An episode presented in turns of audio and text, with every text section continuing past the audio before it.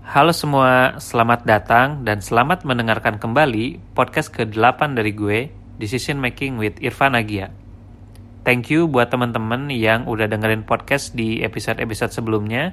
Dan gue ngingetin lagi nih, untuk tujuan utama dari gue bikin podcast ini adalah buat ngebantu teman-teman, ngebantu audiens buat lebih paham dan juga lebih bijak dalam nanti mengambil keputusan-keputusan dalam hidupnya. Baik itu keputusan kecil dalam kehidupan sehari-hari, ataupun juga keputusan yang besar. Nah, seperti biasa, buat yang nanti mau lihat summary dari setiap podcast ini, gue bakal selalu bagiin key takeaways-nya lewat Instastories. Jadi bisa cek aja nanti di Instagram at irfan underscore agia. Oke, jadi di episode yang ke-8 ini, gue bakal bahas tentang managing your precious time. Nah, kenapa gue bilang time itu precious atau berharga banget? Karena kalau menurut gue pribadi, time is the most valuable resources yang bisa kita punya. Dan yang perlu diingat juga, time is the most valuable resources that other people have. Nah, dengan kita keep this in mind, kita bisa lebih menghargai waktu kita sendiri dan juga waktu orang lain. Nah, gue mau sharing dikit tentang uh, pengalaman gue sendiri. Jadi, uh, selama gue kuliah di Belanda, gue semakin paham dan yakin kalau sebenarnya menghargai waktu diri sendiri dan juga orang lain itu modal yang paling penting banget buat membentuk lo sebagai orang yang well mannered dalam kehidupan sosial lo. Dan juga selain itu jadi skill yang bakal lo bawa sampai kapan pun di kehidupan akademis ataupun juga di profesional nanti. Nah, kalau di Belanda, almost everything is by appointment. Atau bahasa Belandanya, alles is op afspraak. Kalau lo janjian sama orang di Belanda, terutama nih misalnya di di bulan winter, misalnya di bulan yang dingin, dan lo telat, lo tuh bisa bikin orang orang itu tuh nunggu lo mungkin di jalanan luar yang dingin dan kalau dia nggak kuat nunggu lo lama, mungkin dia mau nggak mau harus melipir ke cafe terdekat atau coffee shop buat beli kopi misalnya yang yang tentu bikin dia spending money just to wait for you. Nah dengan dia sebenarnya mau meluangkan waktu buat janjian sama lo, dia dia udah ngasih lo attention, energy, and even money buat ketemu lo. Nah jadi so keep this in mind kalau time itu precious and not only for yourself but also for others. Dengan keep in mind this uh, mindset, lo bakal menang waktu dengan cara yang lebih berbeda. Kemudian juga terkait dengan managing time, gue pribadi uh, itu orang yang cukup punctual dengan waktu. Uh, gue bisa bilang uh, I'm a to-do list person. Jadi setiap harinya uh, gue udah tahu apa aja yang bakal gue kerjain atau gue lakuin. Bahkan gue udah perlu ngejadwalin di bulan ini misalnya gue ada kegiatan apa aja nih atau ada meeting apa misalnya. Nah, gue sendiri belajar buat memanage kegiatan-kegiatan uh, semenjak gue kuliah. Salah satu learning yang gue pelajarin waktu kuliah yang menurut gue juga bagus untuk di-share adalah kalau lo mau manage waktu dengan baik, lo perlu menyibukkan diri lo dengan berbagai kegiatan. Karena logikanya kalau lo nggak banyak kegiatan, apa sih yang lo, yang mau lo manage? Nah, Semenjak itu gue mulai mencoba menyibukkan diri gue dengan berbagai kegiatan di kampus. Kayak misalnya ikut uh, kepanitiaan, terus organisasi di luar kampus, misalnya dulu gue masuk ISEC, terus ikut kompetisi bisnis misalnya, dan juga uh, gue sampai bikin bisnis kecil-kecilan sama teman-teman kuliah gue dulu. Nah, dari situ gue mau gak mau uh, mencoba belajar buat ngorganisir waktu gue karena kalau enggak itu uh, cukup bahaya ketika dua kebutuhan kegiatan itu yang beda itu bisa jadi bentrok. Nah, kebiasaan-kebiasaan kecil ini yang ngebentuk gue hingga ke bawah sampai sekarang. It becomes a good habit. Habit ini udah susah buat di break. Jadi kalau teman-teman ingat di episode podcast gue sebelumnya, uh, rule of habit is it is hard to make and it is hard to break. Jadi kalau udah bisa ngedevelop good habits dengan membiasakan hal kecil terus menerus itu bakal jadi uh, bisa lo bawa sampai kapan pun. Nah, mungkin teman-teman uh, juga bakal ngira di episode kali ini uh, kita bakal banyak bahas tentang time management skill. Tapi justru di episode ini gue bakal coba ngasih perspektif lain dan banyak bahas kenapa sih konsep konsep time management tuh justru bisa jadi part of the problem. Nah, loh kenapa bisa kayak gitu? Sebenarnya uh, kalau menurut gue kita sekarang hidup di kultur yang uh, obses banget sama productivity atau produktivitas. Kita banyak cari-cari dan baca-baca buku tentang gimana kita bisa ningkatin produktivitas kita. Dan karena juga kita boasting about being busy, juga udah sering kita temuin lah Misalnya di sosmed itu kalau kita lihat beberapa orang tuh sering nunjukin kalau mereka itu adalah orang yang sibuk dengan berbagai kegiatannya.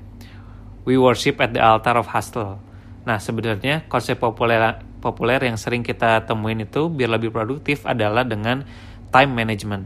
Nah, konsep time management ini uh, banyak dipercaya sama orang uh, untuk kita bisa lebih produktif. Cuma uh, apa konsep itu masih relevan? Faktanya, uh, sebenarnya we cannot control or manage time. It's simply not possible. In the end, sebenarnya kita semua punya jumlah jam yang sama dalam sehari. Kita nggak bisa minta ataupun punya extra hour, no matter how good we are. Jadi itu benar-benar nggak bisa kita uh, ubah atau kontrol sebenarnya time itself. A second is a second. Sedetik ya udah memang sedetik. Walaupun sebenarnya internal experience dari setiap waktu yang dirasain bisa beda-beda bagi setiap orang. Kalau contohnya gampangnya misalnya kalau kita lagi enjoy ngelakuin sesuatu, time goes by so fast. Tapi kalau misalnya kita ngelakuin hal yang boring dan juga repetitif, waktu kayaknya kerasa lama banget. But in the end, a second is a second. Kita punya waktu yang terbatas dan memang udah sama setiap harinya. Nah, problemnya adalah kebanyakan orang cenderung terlalu fokus sama jumlah waktu yang dia milikin dibandingkan fokus sama dirinya sendiri. Padahal sebenarnya energi dan attention itu elemen yang lebih penting dibandingkan kita memanage waktu. Jadi menurut gue dibandingkan kita fokus sama konsep time management, kita bisa fokus sama energy and attention management sebagai alternatifnya. Nah, gue bahas energi dulu nih. Energi itu sebenarnya erat kaitannya sama motivasi. Nah, jadi sering kali produktivitas kerjaan kita atau kegiatan kita tuh terhambat bukan karena kita nggak efisien dalam memanage schedule atau waktu ya, tapi sebenarnya justru lebih karena kita kurang motivasi. Nah, kalau di ilmu psikologi sendiri, motivasi itu ada dua tipe. Yang pertama itu ekster namanya external motivation. Jadi motivasi eksternal ini muncul karena faktor yang berasal dari luar. Nah, yang kedua itu intrinsic motivation itu motivasi internal yang muncul karena faktor dari dalam. Nah, biar gampang ilustrasinya kayak gini sih misalnya. Gue analogiin dengan dua pemain bola misalnya. Satu pemain bola itu dia ikut kompetisi pertandingan bola atau turnamen karena dia pengen dapat trofi atau pengen dapat piala. Nah, itu bisa disebut external motivation karena faktornya dari luar diri dia. Sedangkan uh, satu pemain bola lain dia tuh ikut si turnamen ini karena memang dia suka main bola itu sendiri. He find the activity enjoyable. Nah, itu namanya internal motivation karena sumbernya di dalam diri dia sendiri. Nah, dari dua jenis motivasi tersebut, yang lebih powerful dan lebih long last efeknya adalah intrinsic motivation atau motivasi internal. Nah, dalam memanage ke kegiatan dan kesibukan kita, kuncinya adalah pay attention to why you're excited about the project or the activity and who will benefit from it. Nah, secara natural kita bakal bisa mulai menemukan motivasi internal. Nah, uh, biar gampang gue kasih contoh lagi. Contohnya yang sedang gue lakukan sekarang, misalnya bikin podcast ya. Podcast ini gue bikin deadline uh, buat diri gue sendiri setiap dua minggu sekali gue harus publish satu episode. Nah, ini gue harus bisa disiplin publish episode dan dan jujur gue pun dalam menjalankan podcast ini ada masanya gue menunda-nunda ataupun procrastinate Nah, jadi sekalipun gue udah prepare, gue udah misalnya uh, siapin jadwal buat misalnya di hari Jumat gue bakal targetin bakal banyak baca artikel-artikel buat bikin podcast, buat bahannya. Nah, cuma tetap aja kemungkinan tuh ada gue baru selesai bacanya tuh di hari Sabtu, even di hari Minggu, di Minggu pagi misalnya di hari H pas uh, gue mau publish podcast. Nah, gue butuh booster untuk bisa efisien dalam ngerjain kegiatan ini. So, uh, kalau gue sendiri, instead of focusing on how quickly I wanted to finish this episode, gue bertanya pada diri sendiri dan juga sebagai pengingat atau reminder, kenapa sih gue bikin podcast ini di awalnya. Pertama, gue bisa banyak belajar hal-hal baru dengan forcing myself to read a lot of articles. Dan gue pun at some point bisa ngebantu audiens yang butuh perspektif baru ataupun mungkin perspektif lain terhadap hal-hal yang mempengaruhi ke kehidupan mereka. Nah, ini bisa jadi booster ketika gue mencoba menyelesaikan episode-episode podcast ini. That's one of the trick to boost your energy. Nah, kemudian yang kedua terkait dengan attention. Kita juga perlu manage attention kita karena uh, kita sebagai manusia itu punya attention atau kemampuan buat fokus pada satu hal itu terbatas banget. Jadi kalau walaupun kita ingin bisa selalu fokus buat ngerjain suatu hal, itu kita uh, honestly nggak akan bisa. Nah, untuk memanage attention atau fokus kita dalam mengerjakan suatu hal, gue punya trik yang gue pelajarin dari Adam Grant. Dia itu organizational psychologist dan gue belajar dari dia. Dia bilang kalau challenge atau tantangan yang sering kita temuin dalam ngerjain berbagai kegiatan atau aktivitas adalah ketika kita berhadapan dengan kegiatan yang sebenarnya kita nggak mau lakuin. Tapi itu harus kita lakuin. Gitu. Nah harus kita akuin dan sadarin nggak semua to list kegiatan kita itu adalah kegiatan-kegiatan yang kita senang buat ngelakuinnya ya nggak?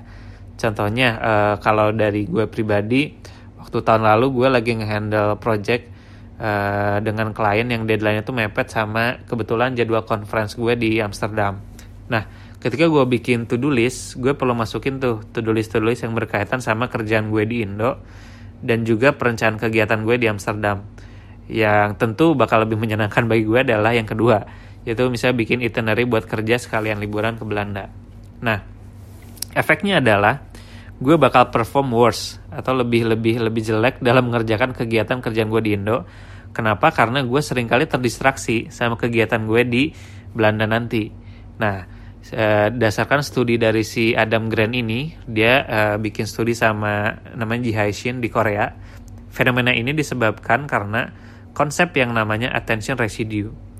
Jadi gue ulangi namanya attention residue. Jadi ini penjelasannya attention residue itu muncul karena our mind keeps wandering back to the interesting task, disrupting our focus on the boring task.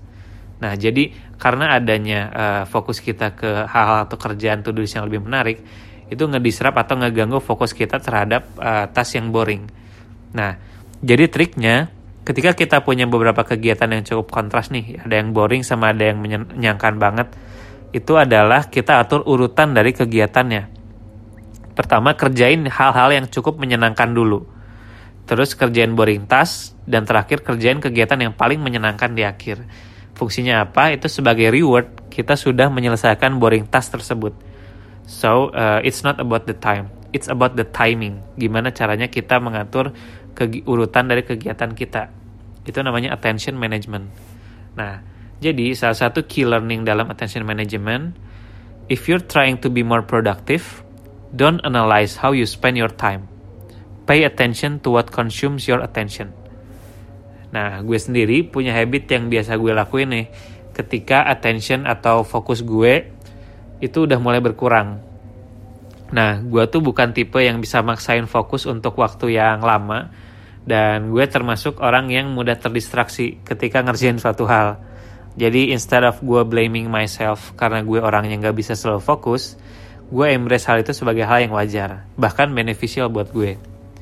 Jadi contohnya, ketika gue udah ngerasa stuck atau ngerasa boring gitu ya kalau di kantor gue bisa jalan misalnya ke pantry misalnya atau pindah duduknya ke sofa atau bahkan e, ke mall karena kebetulan kantor gue nempel sama mall jadi gue tinggal turun lift ke bawah buat masuk mall atau misalnya di sela-sela gue main game mobile misalnya kayak PUBG gitu ya mabar nah ketika gue melakukan hal tersebut e, otak gue berada dalam kondisi autopilot jadi leaving it free to wander to find some interesting stuff. Nah, that's why kadang uh, menurut gue ide-ide cemerlang itu justru muncul ketika lo sedang tidak fokus melakukan sesuatu. Nah, gue termasuk orang yang seneng buat daydreaming di sela-sela kesibukan gue. Dan bahkan uh, kalau menurut gue itu wajib sih sebenarnya setiap harinya kita ngeluangin waktu buat daydreaming, make space for stillness and solitude. Karena uh, sebenarnya di zaman sekarang itu di mana ratusan informasi itu masuk jadi stimulus kita, banyak banget yang perlu kita perhatiin. Terkadang eh, kita nggak pernah benar-benar bisa longin waktu, spending time misalnya with our own thoughts. Dan menurut gue itu bukan time wasting, itu bukan hal yang sia-sia. Kenapa? Karena ini justru bisa bikin lo malah lebih fokus buat ngerjain hal berikutnya. Dan time wasting yang sesungguhnya menurut gue bukan hanya terjadi ketika kita killing time, tapi ketika kita mengerjakan hal-hal atau kegiatan yang justru nggak relevan. Jadi perlu diingat, remember, busy and productive are not the same thing. Produktif itu artinya getting important things done. Kalau lo sibuk dan lo berhasil menyelesaikan 10 kegiatan misalnya hari ini, tapi nggak ada satupun dari kegiatan tersebut yang bikin lo de lebih dekat dengan tujuan lo, lo nggak produktif. Gitu. Jadi perlu keep in mind kalau business and productive itu hal yang benar-benar berbeda. Orang kelihatan sibuk itu belum tentu dia produktif dan orang kelihatannya tuh kayak free atau leha-leha belum tentu juga dia nggak produktif bisa jadi dia energi dan attention manajemennya tuh lebih bagus dibandingkan orang-orang yang kelihatannya appearing tuh lebih sibuk. Nah kemudian topik terakhir yang pengen gue bahas juga adalah terkait multitasking. Nah dalam konsep time management multitasking ini sering banget dianggap sebagai suatu skill yang bisa ngebantu kita nyelesain beberapa tugas dalam satu waktu. Sedangkan uh, menurut studi uh, profesor MIT dan juga psikolog namanya Sherry Turkle dalam bukunya yang judulnya Reclaiming Conversation itu dia point out uh, researchnya bahwa multitasking itu justru bikin kita less produktif walaupun kita akan ngerasa feeling better terhadap skill time management kita. Dia juga sebenarnya nge-highlight bahwa multitasking itu ngelatih otak kita buat expect even more multitasking. Jadi orang-orang yang practicing multitasking don't get any better at it. They just want more of it. Jadi dia, dia orang yang lebih sering multitasking dia akan expect selalu kerjaan-kerjaan berikutnya untuk melakukan multitasking and it's not healthy. Karena sebenarnya multitasking itu sebenarnya memang membuat penggunaan waktu itu lebih efisien. Tapi sebenarnya nggak membuat energi dan attention kita efisien. Jadi ada cognitive load yang terjadi di otak kita karena kita switching back and forth switching back and forth between one task and another. Kayak gitu. Jadi uh, itu yang pengen gue highlight di episode kali ini bahwa uh, konsep time management mungkin sudah tidak uh, relevan lagi ya menurut gue sekarang. Karena sebenarnya time itu benar-benar sesuatu yang konkret. Lo nggak bisa manage time. Instead of managing time you can focus on managing yourself which is focus on your attention and your energy. Gimana lo uh, memprioritaskan waktu untuk hal-hal yang uh, membuat lo lebih produktif.